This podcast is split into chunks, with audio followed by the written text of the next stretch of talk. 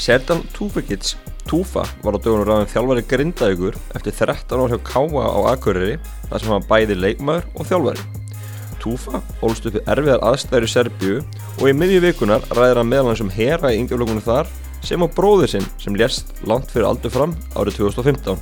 Túfa fer við það hvað hann ætlar að gera með grindaðug í pepsildin næsta sömar og ræðir metnaföld markmið sín í þjálfun.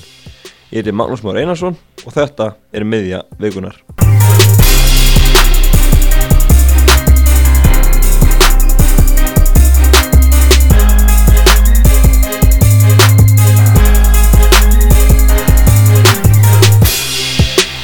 Bara sætla blessaður og, og velkomin á svæði. Takk fyrir. Hvað séu þá? Nýr þjálfari greitinga, eru æfingar hafnæri okkur? Já, það er, við vorum að, með fyrst æfingu á mannudegi og í rauninni bara tvær æfingar búnar og bara ég líst mjög vel á, á þessa verkefni sem er framhundan er. Mm -hmm. Búin að vera manna þjálfarademi, Ræko kemur með þeirra að norðan. Já, hann, hann kemur að norðan í, í markmannstjálfun og, og svo er bara í vinslu með, með aðstofntjálfun og í rauninni plan hjá mér er að flytja sér ekki í því og viljum að búa til tjálfarademi sem ég tel fyrst og fremst að líða vel við þessa tjálfarademi og, og tel að getur svona hjálpa ungumir hringur líti og, og árangur í sumar veru bara í, í góðum málum sko. mm -hmm. Náttúrulega bara eða búist fréttir að því að leifin sig að fara frá, frá Grindaðeg, Brynjar Ásker Björnberg Bríti, Kristján Jæjarl og Sam Hjússon allir hornir á braut, þú er samt hverki smegur? Nei, ég er bara þannig gerður að ég veit eitthvað eitthvað verkefni hendum að þá ég hefur bara mikið trú og svona minn mott í lífinu var alltaf svona trúin flytja fjall og uh, þetta er ekkert kannski alveg drauma staða fyrir tjálvarans að mæta í líði sem eru margir, margir samníslausir og, og nokkrir eins og þú segir farnir á braut. En uh, aftur á móti uh, ég hefur bara trú á fólki sem var ráðum í vinnu Gunnar Már, Forman og, og Stjórn sem síndu bara mikið ága að fá mig til Grindavík uh, mér fannst svona alltaf svona sjarm yfir Grindavík eins og klubbur og, og leikmannahópur sem ég tekir mjög vel einhvern veginn svona K.O. og Grindavík hittast mjög oft undanfærin frjú ár og voru saman á æfingaferðinni þannig ég tekir til tal og hefur mikið trú á þessa leikminn sem, sem eru eftir og svo bara endanum hefur trú á sjálfa sig að þetta verður bara gott sumar hjá Grindavík mm. Eins búningar?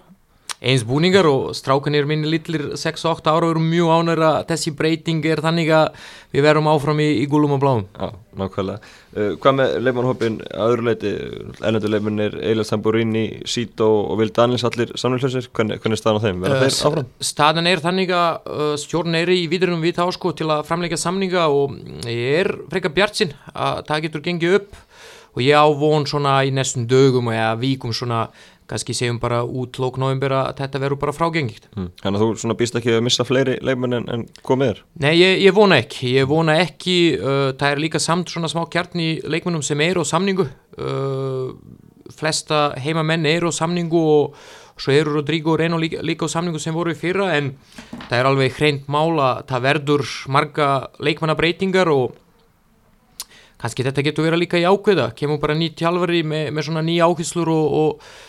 Já, jákveð er líka undirbúning tímabil eða tími áður móti byrjar svona longt þannig ég hefur alveg góðan tíma til, a, til að finna leikmenn og, og púsla leitin saman mm -hmm. uh, Færski miðmaðurinn René Jóhansson og minnist á hann uh, hann uh, lísti yfir um daginn, hann vildi eitthvað fara er, eitthvað líkur að hann fara hana? Nei, hann er bara samninsbundin ég er reyndar ekki búin að lesa frettir út í færium sko en hann er bara samninsbundin og, og ég bara sjálfur vonast að það verður bara allt í góðum álum og hann verður bara leikmann okkur í sumar mm. Er þetta að byrja að skoða leikmannamarkaðin en að heima? Hefur verið að funda með einhverjum leikmannum? Já, við, við vorum bara í rauninni strax að byrja að heyra nokkra íslenska leikmenn hérna sem eru búin með samningu og og við vitum allir að fyrir öll lít sem er ekki stasitir í Reykjavík íslenski markadur er alltaf svolítið erfitt og, og það er alltaf þannig að það eru fyrst svona stesti klúpar að taka stesta bytta og, og, og fara svona einfaldara með, með það að semja við leikmenn og fyrir Grindavík og svona hitt líðir þetta miklu erfiðara en við erum sjálfsögallum bara allan tíman að fylgjast með íslenska markadur og reyna að styrkja okkur þaðan sko. En svo er bara líka sko, ég er með góða sambandi í í svona Serbíu, Kroatíu, Sloveníu og jafnvel Denmark og svona þannig þessi vinsleip bara farin að stað og ég gerði þetta sama hjá Káa ég var aldrei að flytja mér til að fá bara einhverja leikminn utan það er kannski stressa við törum leikminn sko, þannig við törum bara leikminn sem klárlega kemur með Pepsi til þetta klassa og, og vera bara líkilmenn í, í, í okkar liði sko. Hvernig finnst þér markaðurinn vera hérna heima núna? Það er kannski verið frekar lítum félagskipti með við ofta áður, Já, ég, rólegt sammála því, makki sammála því og, og þessa félagskipti, kannski eru eitthvað félagskipti sem maður svona bjóst við sko. þessi leikmenn sem, sem voru samníslausir eða svona gátu uh, svona uh, fara úr sínum félagi sko þá svona einhvern veginn svona maður svona fann í súmar sko hvað líð hefur ága um þeim sko, þannig það var ekki hægt að að keppa um það sko. Uh, Er eitthvað líkur á tæki leikmenn með þér frá, frá Káa? maður veist aldrei en, uh, en eins og segir sko ég verður bara fyrst aðeins að að kynna sér hópin og þá verðum líka að hafa á hreinu sko með, með þessa þrýr leikmenn áðan sem þú nefni verður þeir áfram eða ekki? Og þá, svona, þá kemur kannski alveg hreint út hvað við höfum míða við þetta sem ég vilja gera og míða við, við kerfi sem ég ætlar að spila. Og þá ætlum að, að fara að sækja þessa leikmenn. En það er alveg hreint mála við dörum leikmenn í samastöðu fyrir þessa sem eru farnir eins og staðinir í dag sko. Uh, Vladimir Tubikic, Milan Joksimovic og, og Kristniðjan uh, Martínez allir að fara frá, frá Káa, hefur þú talað eitthvað af þeim? Nei, ég reyndar ekki búin að tala neitt við, við, við leikmenn frá Káa sko og eins og sæði við því, ég ætlar ekki að útiloka eitt en eitt sko en staðan, eins og staðan er núna sko þá ég er fyrst og fremst að horfa á stöðu leikmennar sem eru farnir og líka eins og segi sko bara láta hann þetta aðeins að fara að stað og kíkja líka aðeins á, á þennan hóp sem, sem ég er með í hendinu og taka bara rétta ákvörðinni með, með rétta leikmenn sem við dörum í, í nýtt. Búið að tala svolítið um að fjárhæður félags er kannski minni en hann hefur oft, oft verið, hefur þú fundið fyrir því? Er, er, er minna til og erfiðar kannski að sittast í sáningaborðið? Uh, mikilvægsta fyrir mig var makki að þegar ég var að setjast nýður við, við stjórn Grindavík að það var bara að tala hreint út um allt bæði jákvæð og, og neikvæð og, og ég kann að virða það sko. Um, menn eru oft uh, að tala svona um peningavandrat sem eru kannski búin að vera í flestum liðum sko en uh, oft er þetta talað kannski um minni lið sko. Stærri lið kannski leifa ekkert að, að þetta fer mikið út sko skilur en ég bara eins og sæði áðan hefur trú á Grindavík eins og klúbur og, og míða við svona bæja félag eins og Grindavík að vera svona talengi Pepsi-deldinni og jafnvel spila Evrópa leiki og svona, það segja mér að fólki í Grindavík hefur metnu. Og eins og ég er búin að finna núna eftir þessa nokkra spjalli sem ég átti við stjórn og, og fólki í Grindavík þá standa Grindvíkingar best saman þegar er svona mesta mótliti og ég tel og við erum allir samfærinni, þetta verður töff sérstaklega þessi fyrsta ár, miða við alla breytingar og það tarfa púsla í rauninni allt upp og nýtt sko en ég er svona eins og segi sko mitt líf svona yfirleitt var aldrei auðvilt þannig maður er vanur að vera í barótu en á endunum ég var alltaf að ná að sigra sko þannig ég bara sjálfur er mjög spenntur fyrir þessa verkefni og, og horfa bara jákvæð Mm -hmm. uh, talandi um, um, um barat og, og annað, fyrir kannski bara aðeins yfir vendur hvaða með hverju kross og fyrir maður yfir bara uppvægst inn í, í, í Serbíu fættur árið 1980 og, Júgoslavi stríði sem er unni gernum allan tíund áratíðin uh, hvernig hafði árið hafði á því að alast upp í miðjum átökum? Það, maður getur svona hafa þetta bara svona í, í tvent, þetta var bæði jákvæð og neikvæð sko, ég var svona krakki þegar, þegar stríð var og eh, jákvæð var það sko. Stríð var aldrei í Serbíu sko. Það var aldrei svona í kring, þannig ég svona sjálfur fundist ekki um eitthvað hætt og eitthvað svona en, en það var svona alltaf smá stress, allar pappi að fara eða ekki sko. Og, og þá þessi tími í Serbíu og millir svona 1990 og 2000 var frekar erfitt svona fyrir venjulega líf og, og, og svona þá maður troska miklu fyrir en, en venjulega sko. Og, læra svona miklu fyrir en venjulega að berjast fyrir, fyrir svona sjálfa sig og fjóskildu og allt sem hann gerir sko, hvað ekki þetta að vinna skóli eða, eða ítrott þannig ég held að þetta svona hjálpa í mér sko að ég segi sko að troska fyrir og, og kann svona meta eitthvað hluti sem kannski í dag krakkar bara sjá ekki einu sínum sko. mm. mm. Hvernig þá? Æ, ég meina,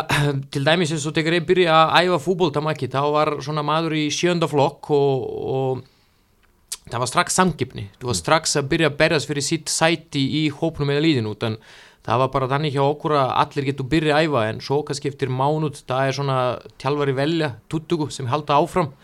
og þú törði að hafa allt á hreinum sjálfur. Þess að tímapunkti það var ekki sími eða tólupos eða svona, þú törði að græja allt sjálfur bæði með æfingafatnað og að mæta alltaf á réttan tíma, það var ekki í bóði að missa æfingu utan. Ef þú klikka í einum lítið atri þá kemur einhver annan í staðin og, og taka tín, blás. Og eins og ég sæði koma aðeins sín áðan sko að það var erfið tími þannig pappi og, og mamma voru ekkert annan að hugsa sko nema að reyna að búa til pening fyrir okkar venjulega líf. Þannig við svona, ég og, og, og bróðir vorum bara í rauninni bara sjálfur að græja allt fyrir okkur sjálfa. Skóli og, og, fútbolti. Þannig svona, þú varst bara vanur strax síðan bara þú er 7, 8, 9 ára sko að berjast einhvern veginn svona fyrir sitt líf sko. Og ef þú vildi kannski vera góður í fútbolta og halda sér þar þá þú tördi að hafa allt á hreinu og þú bara, ég segi sko, má ekki leifa sér að eita neitt klikka sko skilur, í dag er ég er ekkert að segja að þetta er allt hjákveð varandi þetta sko, þannig þá kannski var í þessa tímapunkti var að gleyma sæðins að við svona lilla krakka durum að hafa gaman líka sko skilur en þetta var bara það mikið svona ægi og í rauninni bara svona eins og atvinnumennska fyrir tíu ára krakkar sko skilur Og er þetta ennþá svona í Serbíu í dag? Nei, það er breytist mikið sko, það er breytist mikið og, og í dag eru svona fullt af, hvernig ég segja svona, bara svona private football school sko, sem er í bóði fyrir alla krakkar, en svona stesta, sesti líð í landinu, svona úrvarsleita fyrstallega líður sko, þeir eru enda og svona sækja para besta krakkar sko,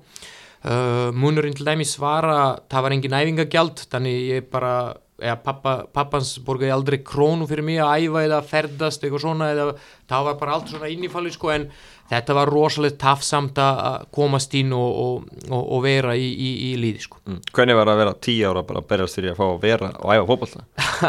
það er góð spurning ekki, ég held að það er svona, ég er að reyna þetta að útskýra fyrir mína stráka sko sem eru 8 og 6 ára en þeir fatta þetta ekki sko, það er svona ég held að bara, þetta er rosalega erfitt að útskýra einu sínum, eins og segi sko ég, ég man bara einu, einu skipti sko er svona, glemdi þetta aldrei sko ég var bara veikur og, og kom ekki trára daga á æfingu og ekki búin að lotta hann tjálfara vítu þannig ég bara kom ekki á æfingu. Pappi og mamma, pappi mín ég held að hann kom að horfa fyrsta skipti að spila fútból þetta ekki að vera 16 sko, þannig hann er búin að heyra hjá eitthvað vínum sínum að að ég er svona efnilegur og þá hann kom. Hann vissi ekki hvernig er æfing eða hvað ég er að keppa og hvað ég er að gera sko, og ég bara mæti ekki æfing og svo mæti ég eftir þrjár daga og bara býði afsökuna ég var veikur og ég var bara nána sparkar út af líðinu sko, en ég bara ekki búin að láta hann vita ég var veikur, þannig svona það var bara töff en, en það var svona að gera líka sko að þú verður svona andla sterkari og, og það ég held að þetta var að hjálpa öllum sem voru í þessa tímapunkti í lífinu sjálfum líka sko skilur, að sjálfsög það voru ekkert allir en árangur að vera góður í fútbolti margir að þeim sko sem, sem ég er að hitta í dag þegar ég fer í frí í Serbíu sko eru svona flottir í vinnunni síni, flottir í lífinu með góða fjóskuld og svona utan einhvern veginn svona maður var að virda þessa litla hluti miklu meira en, en, en í dag eins og krakkan ég ger í dag sko Já, nákvæmlega. Finnst þér, þú var grætt mikið á þessu, fengið kærmiskap og, barátöf með, með þessu? ekki spurning, ekki spurning ég er endur í dag tannig eins og tjálfari kannski svona ungur tjálfari og stundum vilja að fara á völlin og sérstaklega eitthvað hlutin að ganga ekki og menn voru ofta vildu að meina sko að ég er svona, svolítið svona stressað á línu eða með svona mikið en þetta er bara svona hluti af mínu keppniskapi sko skilur og hver leik og æfing fyrir mér er svona einhvern veginn svona eitthvað keppni sem, sem ég vilja sigra sko og ég segi sko ég held að þetta er búin að hjálpa mér mikið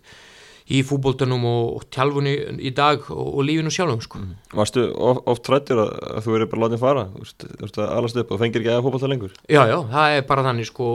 sem betur fyrir ég var góð námsmaður og mm, mamma mín var svona alltaf að að setja pressa á mig að ég svona velja skóla frekar en fútbolta utan í, í þessa tímapunkti það var ekki hægt leimis að að vera í skólan og vinnum við fútbolta, þannig ef þú er að spila í úrvarsleitinni eða fyrsta deildinni, það var bara atvinnumennska í rauninni og ég man bara mjög vel að það var svona sérstaklega þegar ég var svona 16-17 þegar þú kannski ótti að taka ákvörun hvað allar að gera eftir, eftir mentaskóla sko að það var svona alveg að velta þetta vel fyrir sig sko en hjá mér þetta var alltaf bara fútbolti og, og eins og segi sko mamma var ekkert alveg ána með það en ég taldi í dag þegar er maður svona 38 á gamalla ég valdi bara rétt Mm og, og þú náður að fara, vera aðturum maður í, fótbolta? Já, ég meina, ég er búinn að spila í Serbíu alltaf í úrvaseld og fyrsta delt uh, byrjuði svona að spila með mestralokki þegar ég var 17 fram á 2006 og svo bara þá 2006 kom þessi skrítið tæki fyrir að koma til Íslands og, og síðan þá sko ég er, ég er enda hérna á Íslandi Koma aðeins betur að því á, á eftir en, en uh, þetta líf á, á sínum tíma, það stríði, stríðið stóði yfir. Það náttúrulega voru litli peningar, mikið aðdunleysi og borgir sem þú elst upp í Krúsevek. Hún minnist ennþá að erfitt uppdráttar. Hvernig horfur heimi í dag? um, það er miklu betri í dag en var í, í þessa tímapunkti það er alveg hrein mál sko ég, uh, en þetta er svona fara hægt og rólega að vera betra og ég held að það tekur rosalega longan tíma og nútan þessi tíu ára tegar stríði var í rauninni sko land var bara svona lokaður bara fyrir öllu sko þannig í rauninni þú er bara strax eftir það tegar var bara allt í lagi sko tíu árum kannski og eftir hínum löndum sko. Og ég veit bara tegar pappi var að tala tegar var svona gamla júgaslæði tegar ég var svona fæður og svona hann var að tala, þetta var svona kannski eina bestum landum í Evrópum til, a, til að búa og, og lifa sko skilmi, það var það góð líf sko en eins og segi sko, það einhvern veginn svona er alltaf hýta á, á, á svona Júgoslavíu eða þessi land og Serbíu sérstaklega sko en fólki þar er svona vana að berjast eins og þú kom inn á áðan og, alveg saman hvað svona erfi þeir þá þú ætlar aldrei ef þú einhvern tíma kemur með mér í Serbíu þú ætlar aldrei að funda fyrir því sko skilmi, þú ætlar alltaf að sjá fólki bara glæðir, þeir ætlar alltaf að taka mjög vel á móti þér sko og þú ætlar bara að líða þessu kongur hjá þeim en svo kannski dæin eftir þeir ætlar að hugsa hvernig ætlar að redda mat fyrir, fyrir sína fjóðskildur sko skilju, þannig við erum bara tanni fólki og, og ég svona var alltaf að segja sko, ég er bara stoltur að með allt sem, sem fóröldra mínu voru að gera fyrir mig fyrst og fremst til að ég segi sko, kemur bara út í þessu svona bara eins og góður og prúður krakki, góður í skóla, góður í ítrötunum og og eins og segi sko ég er að reyna að koma þetta líka á, á mína stráka og líka stráka sem ég, sem ég var að tjálfa í káa sko, eða stelpur, krakkar mm -hmm. En þú horfir á, á hvernig þið var að alast upp fyrir þig á þessum tíma og svo hvernig er fyrir strákana þín að alast upp á Íslandi mm -hmm. þetta er bara tvent gjössalólít Þetta er bara eins og hvít og svart og, og þetta er svona, ég held bara aðal verkefni fyrir, fyrir mjög konu að reyna útskýr fyrir þá sko að kanna virða þessa lítla klúti sem, sem í dag sko við bara kannski sjáum ekki sko en Uh, við vorum líka kannski hefnir að strá, strákunni voru fæðir hérna á Íslandi og Akureyri og einhver einn svona við fengum alltaf góð stuðning þar og, og nánast bara fundum ekkit fyrir því sko að við erum bara einir hérna á, ekkit með fjóskildu og, og við erum svona bara mjög gladir að hvernig er búin að ganga hinga til sko. En það er líka mjög vel á Íslandi frá fyrsta degi? Já, bara mjög vel og, og ég bara reyndar segir alltaf þannig sko að alveg saman hvað er þú í heiminum e, ef þú bara sína virding og, og reyna bara að gera sína hlutina vel sko, þá er alltaf fólki sem kann að virða það sko og einhvern veginn svona frá fyrsta deg á akkurir fólki tók bara vel að móti mér og öll þessi ár voru para uppleit hvorki þetta bara svona venjuleg líf eða fjóskildalíf og svo líka bara fútbólti sko. Mm tekur upp í staði er eins og segi sko að vera 12-13 ár undir á akkurir sko. Uh, það er ekki oft sem, sem gerist ekki eitthvað ítur á manni að vera hjá einum líði sko svona lengi sko og tekur ég horfa baki sem ég sæði mjög oft núna tekur var þetta og hreinu sko ég er að fara frá ká að spila 100 pluss leiki tjálfa nánast alla yngra flokka bæði kalla og hvenna meinn í, í gegn árum sko, vera aðstöðtjálfari í frjú ár og aðaltjálfari núna í frjú ár sko, ég er svona, ég segi sko, bara mjög stóltur bæði með félag og tækifæri sem ég fekk hjá þeim sko, allt sem, sem þeir voru að gera fyrir mín og, og mína fjósköldu en stóltur líka á allt sem ég gerði bara tilbaka sko fyrir, fyrir, fyrir gáða mm -hmm. uh, Þú náttúrulega ferð og spilar í byrjum félagsins á segir í úrváðsættinni í, í Serbi sáum í, í gær Rauður Stjórnun að vinna Leopold 2-0 gífurlu stemminga á vellunum hvernig var að spila í, í Serbíu? Mikið læti á pallunum? Já, það var oft læti á pallunum og það var svona fútbóltíðir aðeins við síðan hérna sko og eins og við sjáum sko kannski leikminn sem koma hérna frá, frá þessari svæði svona tekur smá tíman að venjast á íslenska fútbólta þetta koma svona einhvern veginn svona miklu dörti og, og grimmar inn í þetta sko en, en Ráðast Hjarnan þetta er svona sérstak dæmi stuðnisminna uh, hópur hjá þeim sko og ég man bara síðan ég var krakki sko tegar líði mæta þar sérstaklega svona í Evropum leikum tegar svona fullt pakkað uh, völlurinn sko skilur, það er rosalega erfitt að spila það sko og ég var að lesa einhvers að því fyrradag sko að hann Grúit sem var svona seldur til Liverpool svona ungur, hann var að tala við, við leik með Liverpool að þeir allar ekkert að heyra og hvort hann sko hvernig er svona stemning á vellunum og það sjást í gæð sko skilur og þegar er svona stemning þá er allt hægt sko. En fútbólti svona í Serbíu er Uh, úrvarseld er bara með, með hágæði sko en svo sjálfsög svona eins og í öllum svona landum sko þú hefur svona kannski frjú fjókur lít sem er svona með miklu meiri peningar og svona miklu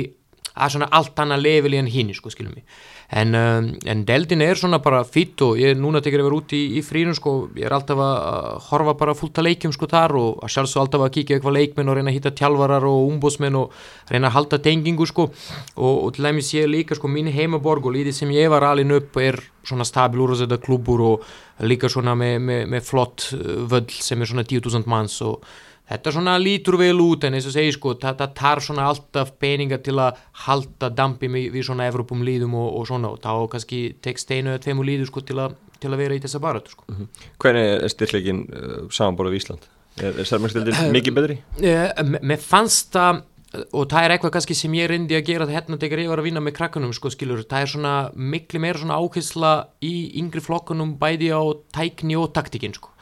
sem er kannski ekkit mikið hérna sko og, og, og það er ég held að leikmenni taðan sko er svona standa betur í, í þessum dætum sko skilur, aftur á móti hérna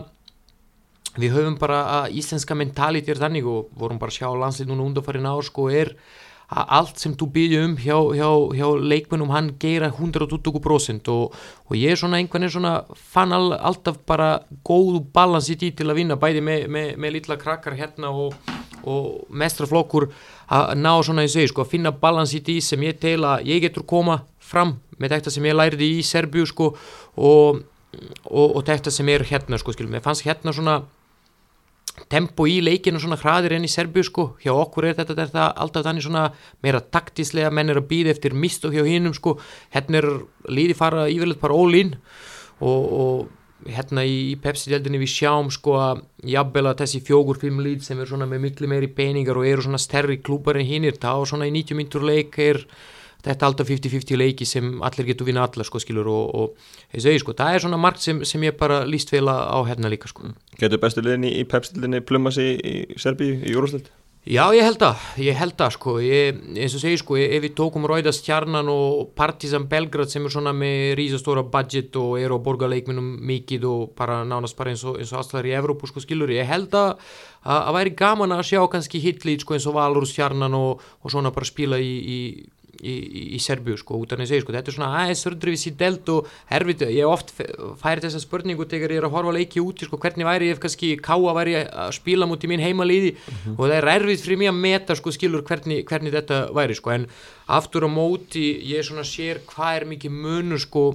í fútbóltunum hérna í landi síðan ég kom til Íslands frá mm. 2006 og í dag sko bara öllum sviðum sko, mér fannst bara gæði meiri uh, umgjör miklu betur og, og við erum að sjá núna eins og F og Stjarnaval þeir eru að koma bara og fara í þessa oktina í rauninni þessi líð vera bara atvinnumennska líð sko eftir nokkru ár sko bara, ja. alveg frá að til lög sko Já, og þið finnst uh, bara ótrúlega munur frá því kemur yngar fyrst Já, mikið, mikið og ég fann bara reyndar maður var svona fyrir norðun og, og, og kannski svona frekar lokaður þar sko en, en ég bara sér hvað er til dæmis mikið munur í káa síðan ég kom og í dag sko á öllum svíðum, hvorkið þetta yngreflokkar, mestrarflokkur, umgjörn hingum liði og, og allt og eins og segi sko Pepsi Deldin er, mér fannst bara á, á, á flotta leveli sko eina kannski sem er sem kannski allir tjálfari vilja að hafa þennan móta eins lengur sko. Mm -hmm. hvorkið þetta kannski trefald umfer eða, eða fjölga eins í deldinni og ég held að það væri bara eina mjög skemmtilegum deldum. Og ég er að fylgjast líka mikið við skandinavisku deld og Ég sér ekkert fyrir út af Danmark og kannski mikið munur þar sko. Nei, Hver, hvernig myndu vilja fölga? Hva, hvað myndu þú vilja gera? Ég, ég vilja bara hafa, ef, ef kannski við erum að tala um 12 líðadelt, ég væri til að hafa þetta dreifald umferð sko, skilum ég, og, og byrja kannski aðeins fyrr og taka bara aðeins lengur mót sko, skilur, þannig kannski væri þetta að byrja í, í, í svona lók mars og eins og er kannski út í Norex og enda kannski í lóku oktober við vitum sjálfur að eins og í dag flest er að fara á gerfigræs við erum að spíla hvað 6-7 mánu á gerfigræsinu þannig ég held að það væri ekkert slæmt hvorki á eitt og eitt leik fara svona kannski á gerfigræsvöld þá væri þetta svona að minga undirsmunning tímabíl sem er frekar longur og, og strangur og sérstaklega fyrir leikmenn og fútbóltamenn er hann svona á allt og longur sko og þá væri kannski bara, já, undirbúning tímabil janúar, februar, halvan mars menn er að fara á æfingarferðin og þá byrja mót. Og svo eftir þú klára mót kannski í lók oktober, þá hefur kannski smá frí og, og svo bara byrja aftur undirbúning tímabil sem er miklu stittri sko, ég held að væri svona, já, bara meiri stemning í líðunum og, og jafnvel bara kannski deldin væri enda skemmtilegri sko, skilmi mm -hmm. Þú myndist að Norður og, og Svíþjóð, þið finnst ekki vera mikið beila millir í pepstildarinnar Jú, að sjálfsögðu hefur líd sem eru svona eins og segi sko, eins og í öllum landum sem eru svona, sem eru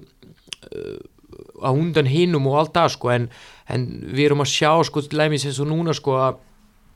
þú er að fá leikmenn úr kannski fyrsta deldinni eða úrháðsdeldinni frá Danmark eða Noregs eða svona. Og það er ekkert, jújú, jú, eitt og eitt af þeim sko eru að gera mikið gæða munur sko en, en ekkert allir sko skilmi, þannig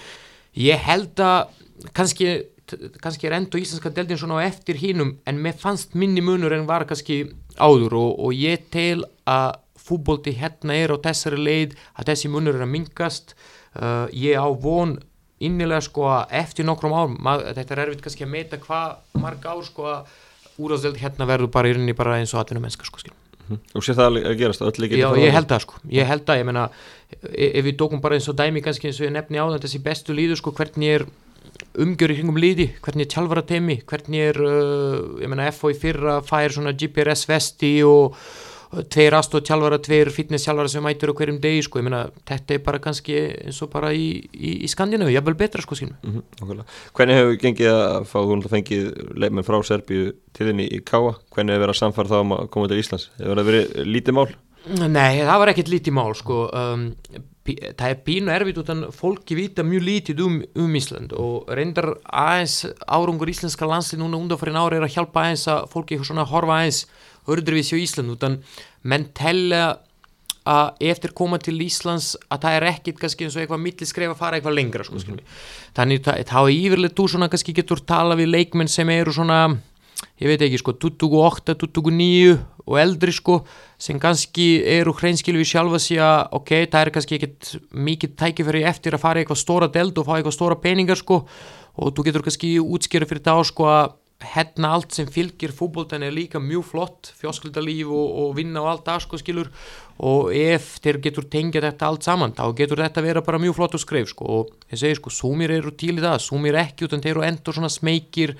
utan þeir vita ekki mikið um, um Íslandi sko. mm. Hefur, hefur landslið, Ísland landslið, hefur það ekki miklu aðtegli í Serbíu? Já, mikið, mikið ég bara fekk mjög oft skilabót og, og fyrirspurn og mér fannst svona bara einhvern veginn svona eins og allir bara byrja svona að stýdja Ísland í, á EM, þá Serbia var ekki og, og þá mér fannst svona bara meiri hluti af landinu var svona að standa við Ísland vegna þess að þá fundum menn svona þessi uh, samstöðu sem var í líðinu svona hvorkið þetta knatspilnum sambað eða tjálfarateimi eða leikmenn sko sem var kannski oft vesin hjá okkur undan farin á sko og, og einhvern veginn svona það var eitthvað sjarm yfir það sko. Ég veit að tegur ég fer núna í frí og svona þá tegur ég byrja að ræða um fútból þá er þetta svona fýsta spurningin að tala um íslenska landslið Já, áður en við ljúkum umræðinu um, um uppvöxtinni í Serbi þú segði ráðan að pappiðin hefði ekki mætt að horfa á því fyrir hann var 16 ára. Fór hann að horfa síðan meira á því í kjölfæri Já, hann, hann fór að það sko og svo í dag hann er alltaf á neytjun og tegar tegar eru leiki í Pepsi-deldinni hann er svona í eftirlaun núna og ekkert annan að gera sko nema, nema að fylgjast með þessu en þetta var bara tanni tími og, og eins og segi sko eina ég held sem, sem pappi og, og mamma voru að hugsa sko það er svona að reyna að hafa venjulega líf fyrir mín og mig og, og bróðir sko. Að við svona kannski fundum ekkit að, að það er svolítið erfitt sko og ég, mann bara mjög vel sko. Hann ég verið að byrja að æfa fútbolta og svona eftir, eftir nokkra mánu og svona þá kom hann til mín og sæði já er þú alveg bara klára að vera í fútboltur og ég segi já svona bara rosa spendur og stóra draumar að spila í ennsku eða ítalsku deldinu eitthvað svona og hann sagði en þú veist að í fútbóltunum er svona miklu meira nýður en upp. Er þú til í það? og ég er svona lítið grækið segi já ég er til í það. Ok, þú verður að græja allt sjálfur segi hann sko, ég segi já ekkert mál. Þannig það var bara einhvern veginn tanni sko skilur en ég var bara rosa ákveðnur í, í þessu og en svo sjálfsögur sko bara og eftir það var alltaf stöðni hjá þeim sko varandi allt og og það var alltaf gaman að ræða við pappas, reyndar hann var aldrei svona ánur hvernig ég spílar og svona, hann var alltaf að finna eitthvað sem ég ótti að gera betur sko en að sjálfsögðu sko við vítum, þetta er sama hvorkið þetta fyrir nokkrum ára síðan er í dag sko þú verður að hafa fjóskuldu bak við sít en sýtjórtamann eftir vilja nárangu sko. Annars gengur þetta aldrei upp og höfum bara fullt að dæmi á því sko. Og eins og segi sko það kom bara fyrsta skipti, ég var að spila með, með trídja flokk og það var eitthvað vinnur hans í vinnunni, ég var að segja hann að ég er svona er ágættur og svona efnir og hann kom að horfa fyrsta skipti og sjálfsög var ekkert alveg ánöð við mig sko en mm. það svona kveiki aðeins síðan og, og svona byrja aðeins að fylgjast meira og það var svona fljótlega sko ég byrja að æfa með mestraflokki og það var sjálfsög var hann mættur í öllum leikjum og, og, og svona mm. Hann segir þetta við þegar lungur að þetta sé erfitt var, var hér ægi á æfingum? Já, mikið ægi á æfingu og og eins og segi sko þetta var bara svona eins og lítið hern. Það var bara þannig sko. Þetta var kannski í öllum svona östur Evrópa löndum í, í þessa dímapunkti sko. En eins og segi sko ef þú tekur alltaf eitthvað jákvæður öllu sem er að gera, ég er ekkert að segja að þetta er svona rétta leiðin sko, en þú tekur samt alltaf eitthvað jákvæð úr því sko, skilur og í abbel í dag sko skilur tekur, ég var að tjálfa mikið í, í ká og allt það sko skilur og ég segi sko reyna að finna eitthvað balans en það var mjög oft sem ég vildi sjá kannski meira í hjá, hjá krakkanum og svona skilur til að þessi virðinga hver tjálfarunum eða foreldrunum en meiri en, en í dag sko skilur. Og, og, og náður að koma í gerð, náður að gera meira, meira aga hjá, hjá krökkum Já, já, alveg klárlega sko og mér fannst, það er bara líka tannig sko að það er bara spurning hvernig þú koma þetta fram sko skilur, ef menn alveg saman eru til sjára eða sótjón ef þeir finna hvernig er tími svona til að hafa gaman og, og, og, og hafa grín í því hvort annan og hvernig er kannski fókus að gera hlutin almennlega ég held að, að þeir líka líða vel með, með það sko skilur, það er svona eina skemmtilega sögur sko, ég uh, svona hvenna fútbolti hjá okkur í Serbíu var ekkert svona fræk og í rauninni sko það voru allir svona að horfa þessar stelpur aðeins sördurvísi sem eru í fútboltanum sko. En svo ég kemur hérna sem er bara þetta bara á toppstandi og ég meina strákar og stelpur í öllum ítrötum sko bara alveg 50-50 og þá kemur svona húmynda ég taka tveir kvennaflokkar sko. Og ég var rosa smeykur, ég er svona vildi ekki sko, ég var svona hrættur hvernig þetta verður svona, ég svona var að hugsa að þetta er kannski meira svona eins og vera leikskóla kennari en, en, en tjálfari sko. En svo bara tala ég yfir, við yfir tjálfara og sæði bara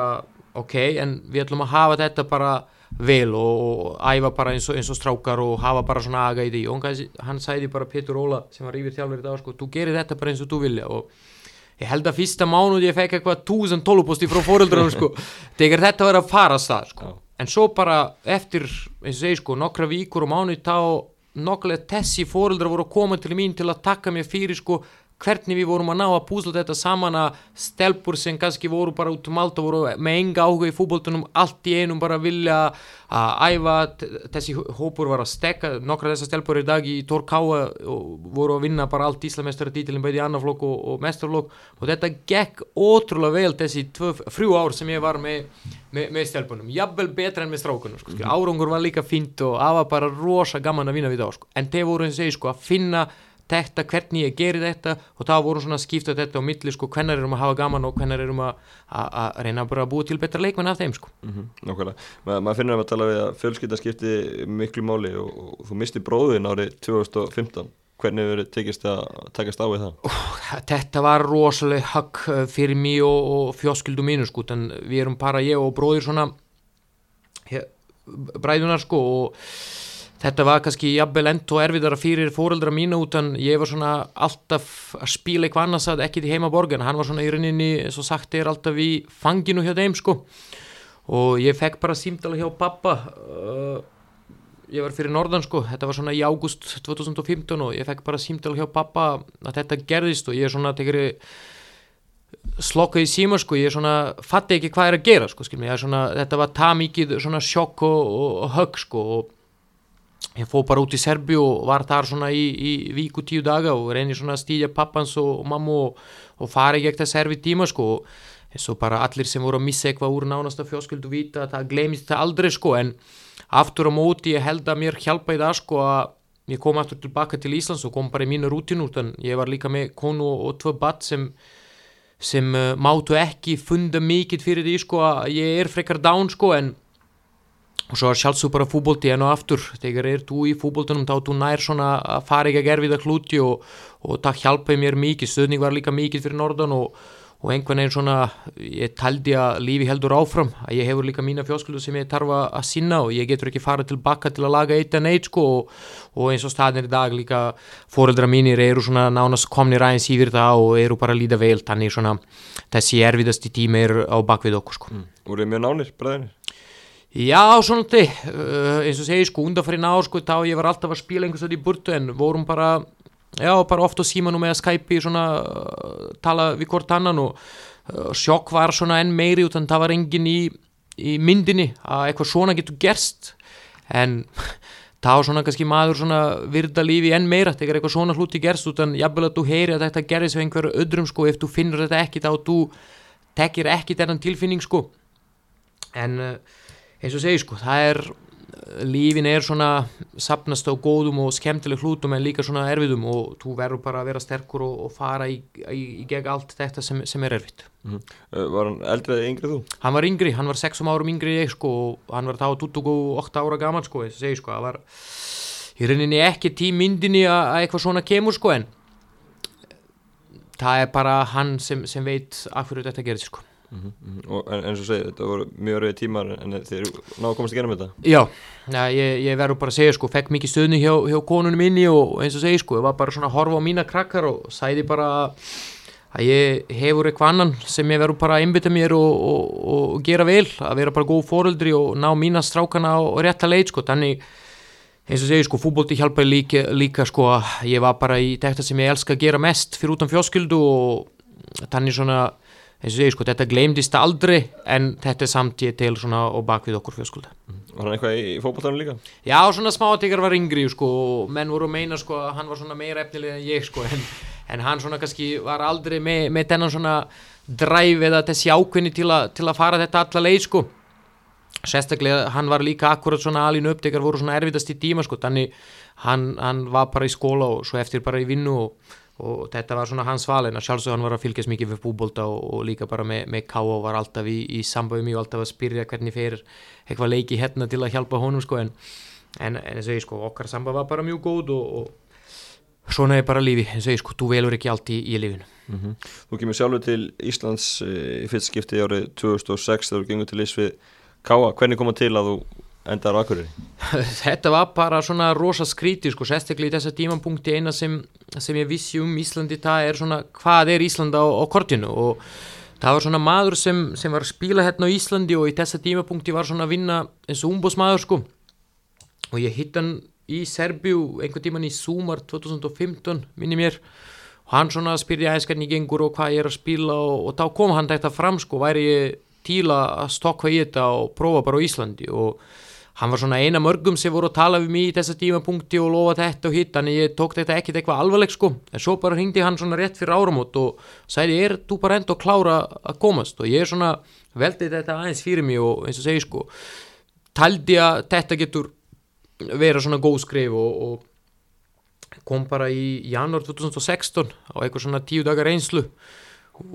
tjálfari þá var að Slobodan Milicic og, þetta var bótt í svona tengi sko en ég tekki hann ekki neitt áður, áður ég kom hinga sko og spilum eitthvað æfingaleiki, ég man ekki alveg mútið hverjum í dag sko en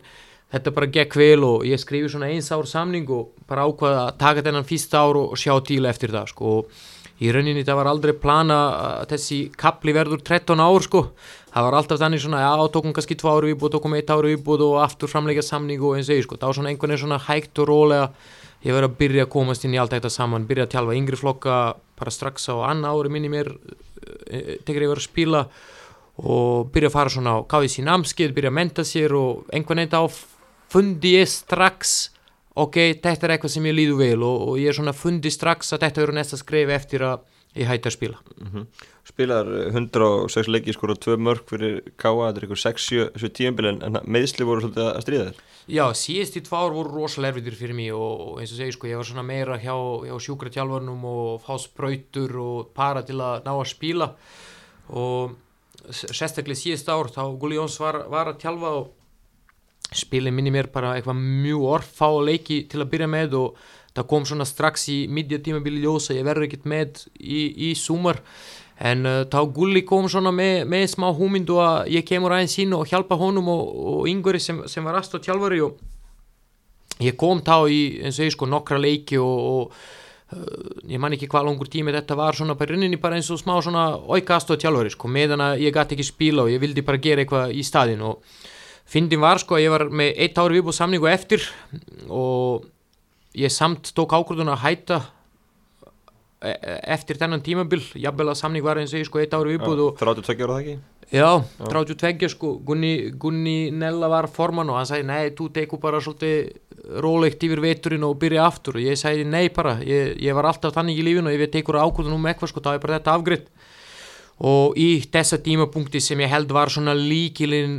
akkur er enda á Íslandi sko? Að þá kemur Bjarni og að, að tjálfa káa og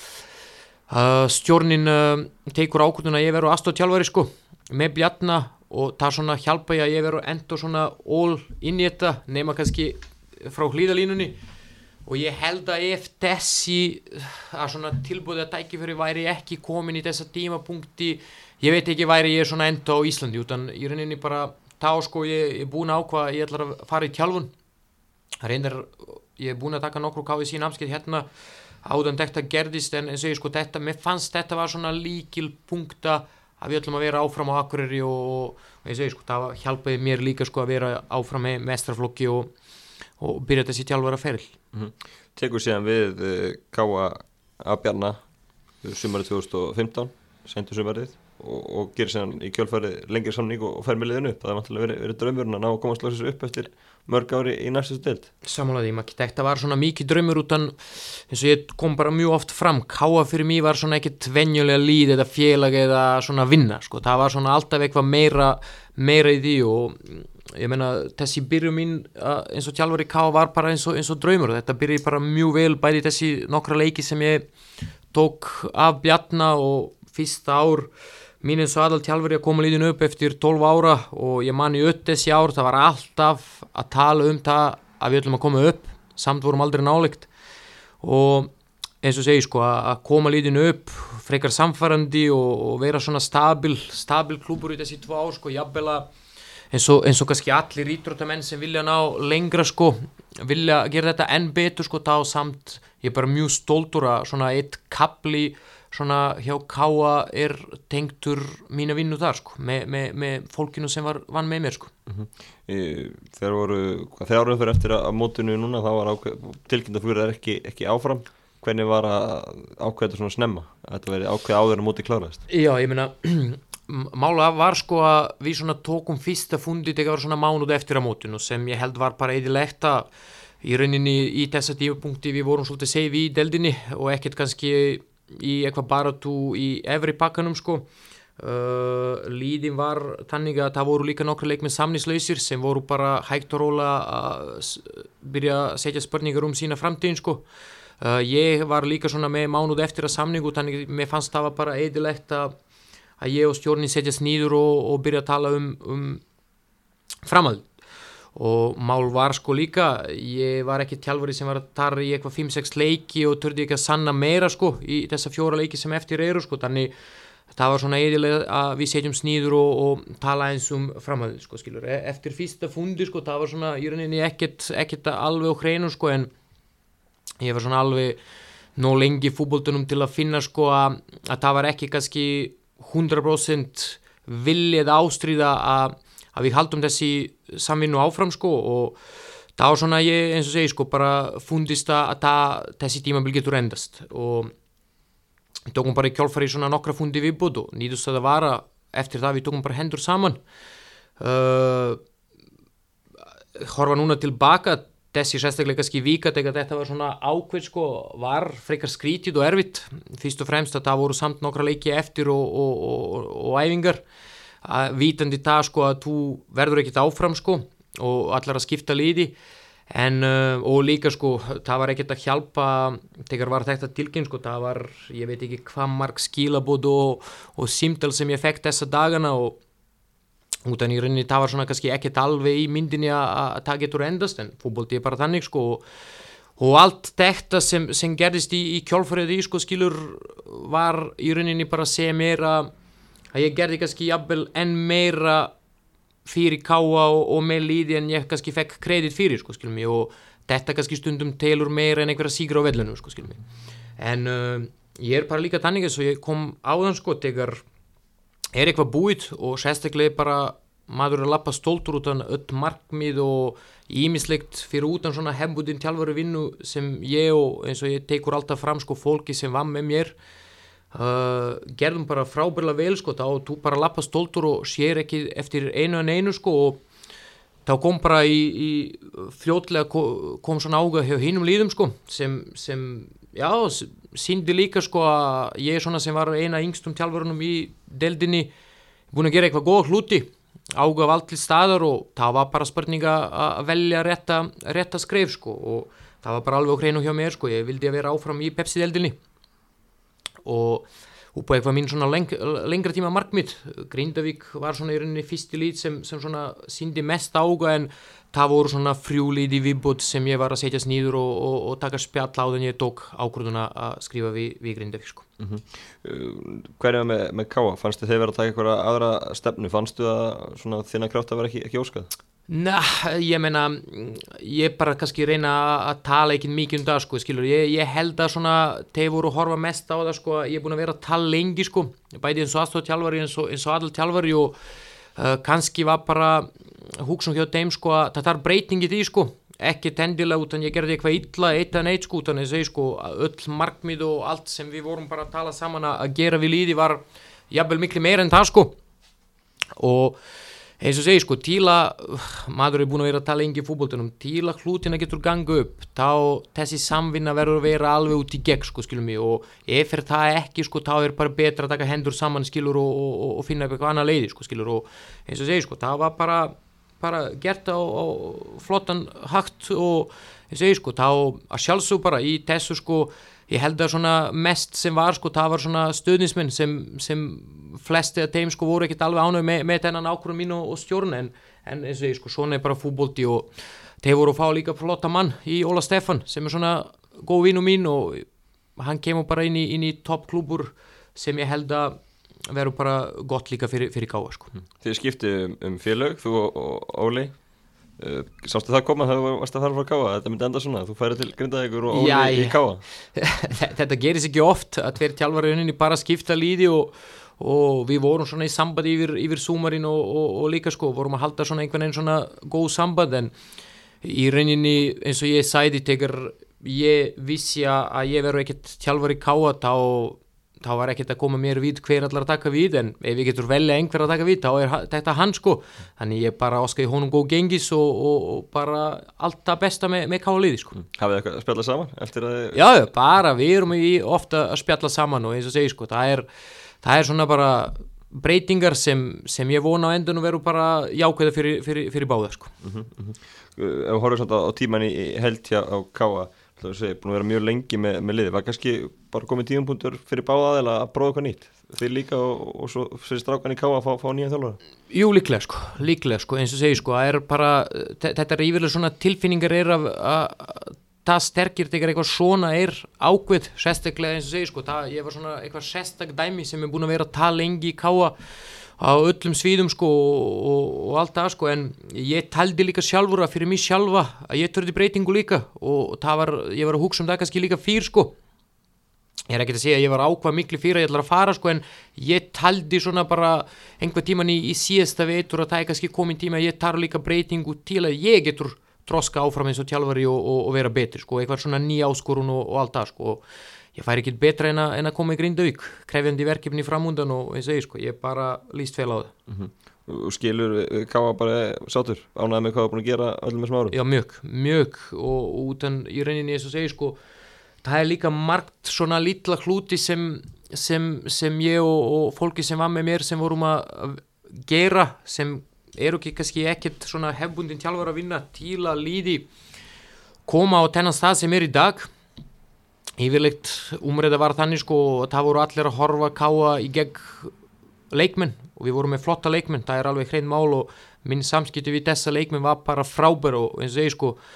skilabót og símdal sem ég fekk hjá þeim líka eftir að þetta var tilkyn sko, síndi mér líka sko hvað við vorum svona með, með flotta samband sko en eins og segi sko, það var líka margt hitt sem, sem ég gerði með mína ástrið og svona og, og passion til að lifta þennan líd sem, ja, klubur sem ég elskaði mikið á, á hæra level og, og okkur te tekst það sko skilur, að sjálfsög þú getur alltaf farið tilbaka og, og greina þetta, gátum við kannski enda over, gátum við kannski vera með fleiri stíg og svona en miða við allt eins og segi sko, þannig að ég tekkir káða frá að til lög sko og þetta er svona líd fyrir út á landi sem sem fólki kannski hérna í bænum veit ekki nokkalega sko hvað er í gangi og allt það sko, ég er mjög stóltur og ég segi sko þetta er svona eina bara flottasta kapli í, í, í sögu ká líka sko skilum, mm -hmm. þessi nokkur ár mm -hmm. Hvernig var, var að segja strákunniðum Stefán og, og Novak að vera að flytja frá, frá Akureyri og, og fara yfir til Grindavíkur? Það var bara þannig að þeir voru mjög ósættir við, við, við þessa ákvörðinu, ég kom heim eftir æfingu áðan þetta var tilkynnd og tók bara svona smá spjall heima við, við þá sko til að undirbúa fyrir næsta dag í skólunum og ég vissi að það kemur túsund spurningar fyrir þá líka en þeir voru ekkert alveg ána með þetta. Ég er svona til að svísa þetta eins ég spyrði strákarna hvað hva þeim fannst hvað væri kannski besta lít til að pappi teku við og það sjálfsög þeir voru að velja strax Valur sem er svona Íslandmestari og, og spila Evrópukefni, ég sagði það er ekki alveg hægt sko, svo bara yngsti strákur kom fram að hann vilja bara við tókum við Grindavík líklega út af gull og bláum búningum sko. þannig einhvern veginn núna eru þeir líka undirbúnir og, og, og fjóskölda mín allar að koma núna um árum átt það byrjar bara svona nýtt, nýtt okkar lífi í Grindavík og kona mín er vana að vera með fútbóltamann hún tekir þetta alveg út í gegn hvernig þetta gengur og, og ég fær alltaf svona mesta stuðning hjá henni. Og ég segi sko þetta verður bara svolítið stór breyting fyrir okkur eftir að vera 13 ára okkur sko en fútbóltíðin er þess að segja sko eitthvað sem, sem, sem flíti okkur út um allt og við vítum líka sjálfur að eftir það að vera eitthvað annar lít sko skilur. Og vonandi einhvers að úti í atvinnum sko þannig metna er mikið hjá mér og, og í, í kjálfarið að ég er að skrifa undir með Grindavík þá kemur svona líka góða frett fyrir mig sjálfa og Grindavík er svo klúbur að frá janúri er að hefja námi í Júfa Pro í Írlandi. Bara líklega væri gott fyrir mig að taka KSI fyrir þennan dækifæri og það sína mér líka sko að Kratsbyrnu samband Íslands líka virða eitthvað sem ég er búin að gera hérna eins og, og tjálfari að öll þessi ár sko. Þannig ég horfa þá bara, það eru bara mjög skemmtilegt tíma framöndan fyrir mig. Mm -hmm. 13 ára á Akureyri en við kannski ekki, ekki alveg horfa 13 ári í Grindavík eða eitthvað? Ekki alveg en, en það var aldrei plan að vera 13 ára á Akureyri líka sko skilmi, þannig þú veist aldrei hvaða hva lífi kemur, ég er að koma samt til Grindavíkur og þetta sem við vorum að tala sko er svona 30 ára plan og til að byrja með. Þannig uh, ég er að flýtja með fjóskildu mínu til að vera á lengra tíman í Grindavík. Hvað lengi, þú veist aldrei. Þetta er bara tanni vinna og fútbóltíð er tanni ítrútt sko en klárlega mín svona langtíma markmið er að vera í atvinnum sko í, í stærnum landum og stærnum klúbum sko skilur og míða við, við hinn markmið sem ég ótti bæði eins og krakki og í dag eins og tjálfari sko. Þá eins og segi sko endunum ég nær alltaf að, að sígra þetta og þetta er erfitt heiminn og svona en ég tel ef þú svona eins og ég sko gefa allt sem þú hefur og hefur mikið trú á og sjálfa sig og líðin og fólki sem vinna með þér sko, það er allt hægt sko. mm. Hvert er draumurinn að fara? Draumurinn að vera bara aðtunum aður, tjálfari og eins og ég sko, það er erfitt kannski að ég bara að vera langt besti að segja við því sko að ég er langar að taka við Chelsea skilur, það ég er Chelsea maður en, en máli er sko að ég tel að ég er bara að byrja frekar ungur og ég held að það er samtímislegt sem ég getur læra og bæta mér sko. Uh, vilja bara komast inn í, inn í land delt lít sem er bara þetta atvinnumenska sem ég sjálfur getur fara lengra og, og hafa þetta bara allt á hæra leveli og eins og ég sko. Það er svona markmiðið skrifað hjá mér í bókinni þannig ég stefna því að ná því sko. Mm, Getur þú séð fyrir það starfi í heimalandinu, Serbi? Það var svona núna tegar, eins og segi sko, tegar var þetta bara á hreinu með, með, með káa þá í rauninni ég er alltaf í sambandi eins og sagði við í áðana með tjálfara og umbósmenn og svona fylgjast mikið með fútbólta í Serbi og það var svona smá, það mér heimalíð var akkurat í þessa tímapunkti í smá stragli sko, skilum ég, en þetta fór ekkert í eitthvað svaka vidriður og svona en það var svona samt að tjekka púlsin á mér, væri ég til að flytja aftur heim sko, en eins og staðin í dag ég sér það ekkert fyrir mig sko, skilur, ég vilja bara að nesta skref eftir Íslandi verður svona í Evrópu sko og svo bara það kemur bara í ljós hva, hvað það verður sko mm -hmm. og hvenar mm -hmm. Talar um þryggjara plani í Grindavík, hvað getur þú sagt mér um það plan? Uh, mál er bara eins og, eins og vorum að ræða til að byrja með sko, við erum bara núna á tímapunkti sem tar bara endur nýja líði sko, þannig það er alveg hreinu sko að Grindavík næsta sumar kemur með marga leikmannabreitingar annars líka sko það verður bara algjör að nýtt tjálfara temi og eftir þessa fundi sem ég ótti bæði með leikmannum og, og stjórninni þá er bara alveg hreint mál markmið hjá mér líka sko að þessi ungjur í kringum liði sko hvorki þetta tjálfara temi og allt sem fylgir því sko verður á hæra plani sko skilum ég og að sjálfsög þetta er ekkert eitthvað sem gerist bara á einum degi eða einum mánu sko skilum ég aftur á móti bæði Stjórn Grindavík, Óli Stefan, Janko og fleiri sem voru þar sko voru að gera flotta hluti þessi frjú ár sko. Þannig mér fannst eins og, eins og þeir voru að ná eitthvað hápunkt með Grindavík sko skilum mig. Þannig núna ég og, og fólki sem ætlar að vinna þetta með mér verum að byrja þetta upp og nýtt og aftur að koma þetta inn sko Grindavík er lítið bæja félag en samt með flotta reynslu úrvaseldinni, flott umgjör varandi æfingar og allt þetta, flottur völlur og, og allt sem fylgir því sko þannig ég kemur inn í þetta sko með, með svona ég segi sko eitthvað mína húmyndur, mína áherslu sko vítum að þessi fyrsta ár verður töff, verður ba- barningur en ef okkur tökst það að púsa lítið saman þá á næsta ári þá er hún kannski klárið með 90% líði og, og svona umgjörn eins og ég og stjórn vilja hafa sko. Þannig það er alltaf hægt að byggja það óna á það sko. Þá er líka svona 1.99.00 árangur hjá þeim sko sem eru bara nokkri spennandi strákar sem ég vilja testa núna og hjálpa þeim að ná lengra sko. Ég er enda í káa sko með, með tannig að það eru trýr strákar í undir 21 landslið sko sem engin annan úrstætta klúpur hefur sko. Þannig svona það er markminn líka að reyna að gera eitthvað auka dæmi og finna leiðir hvernig við getum líka búið til eitthvað leikmenn í Grindavík sko. Og ég er ekkert annan að gera nema að vera bara 24 tíma á dag í, í fútboltunum þannig svona, ég segi sko, það er svona ímisleik sem, sem við vorum að setja snýður og, og, og, og setja svona smá plan og ég er svona, ég segi sko, spendur fyrir þessi verkefni. Hvað, hvað viltu gera til að breyta umgjörni í Grindavík? Já, ég meina, það var bara þannig eins og segi sko, meðan að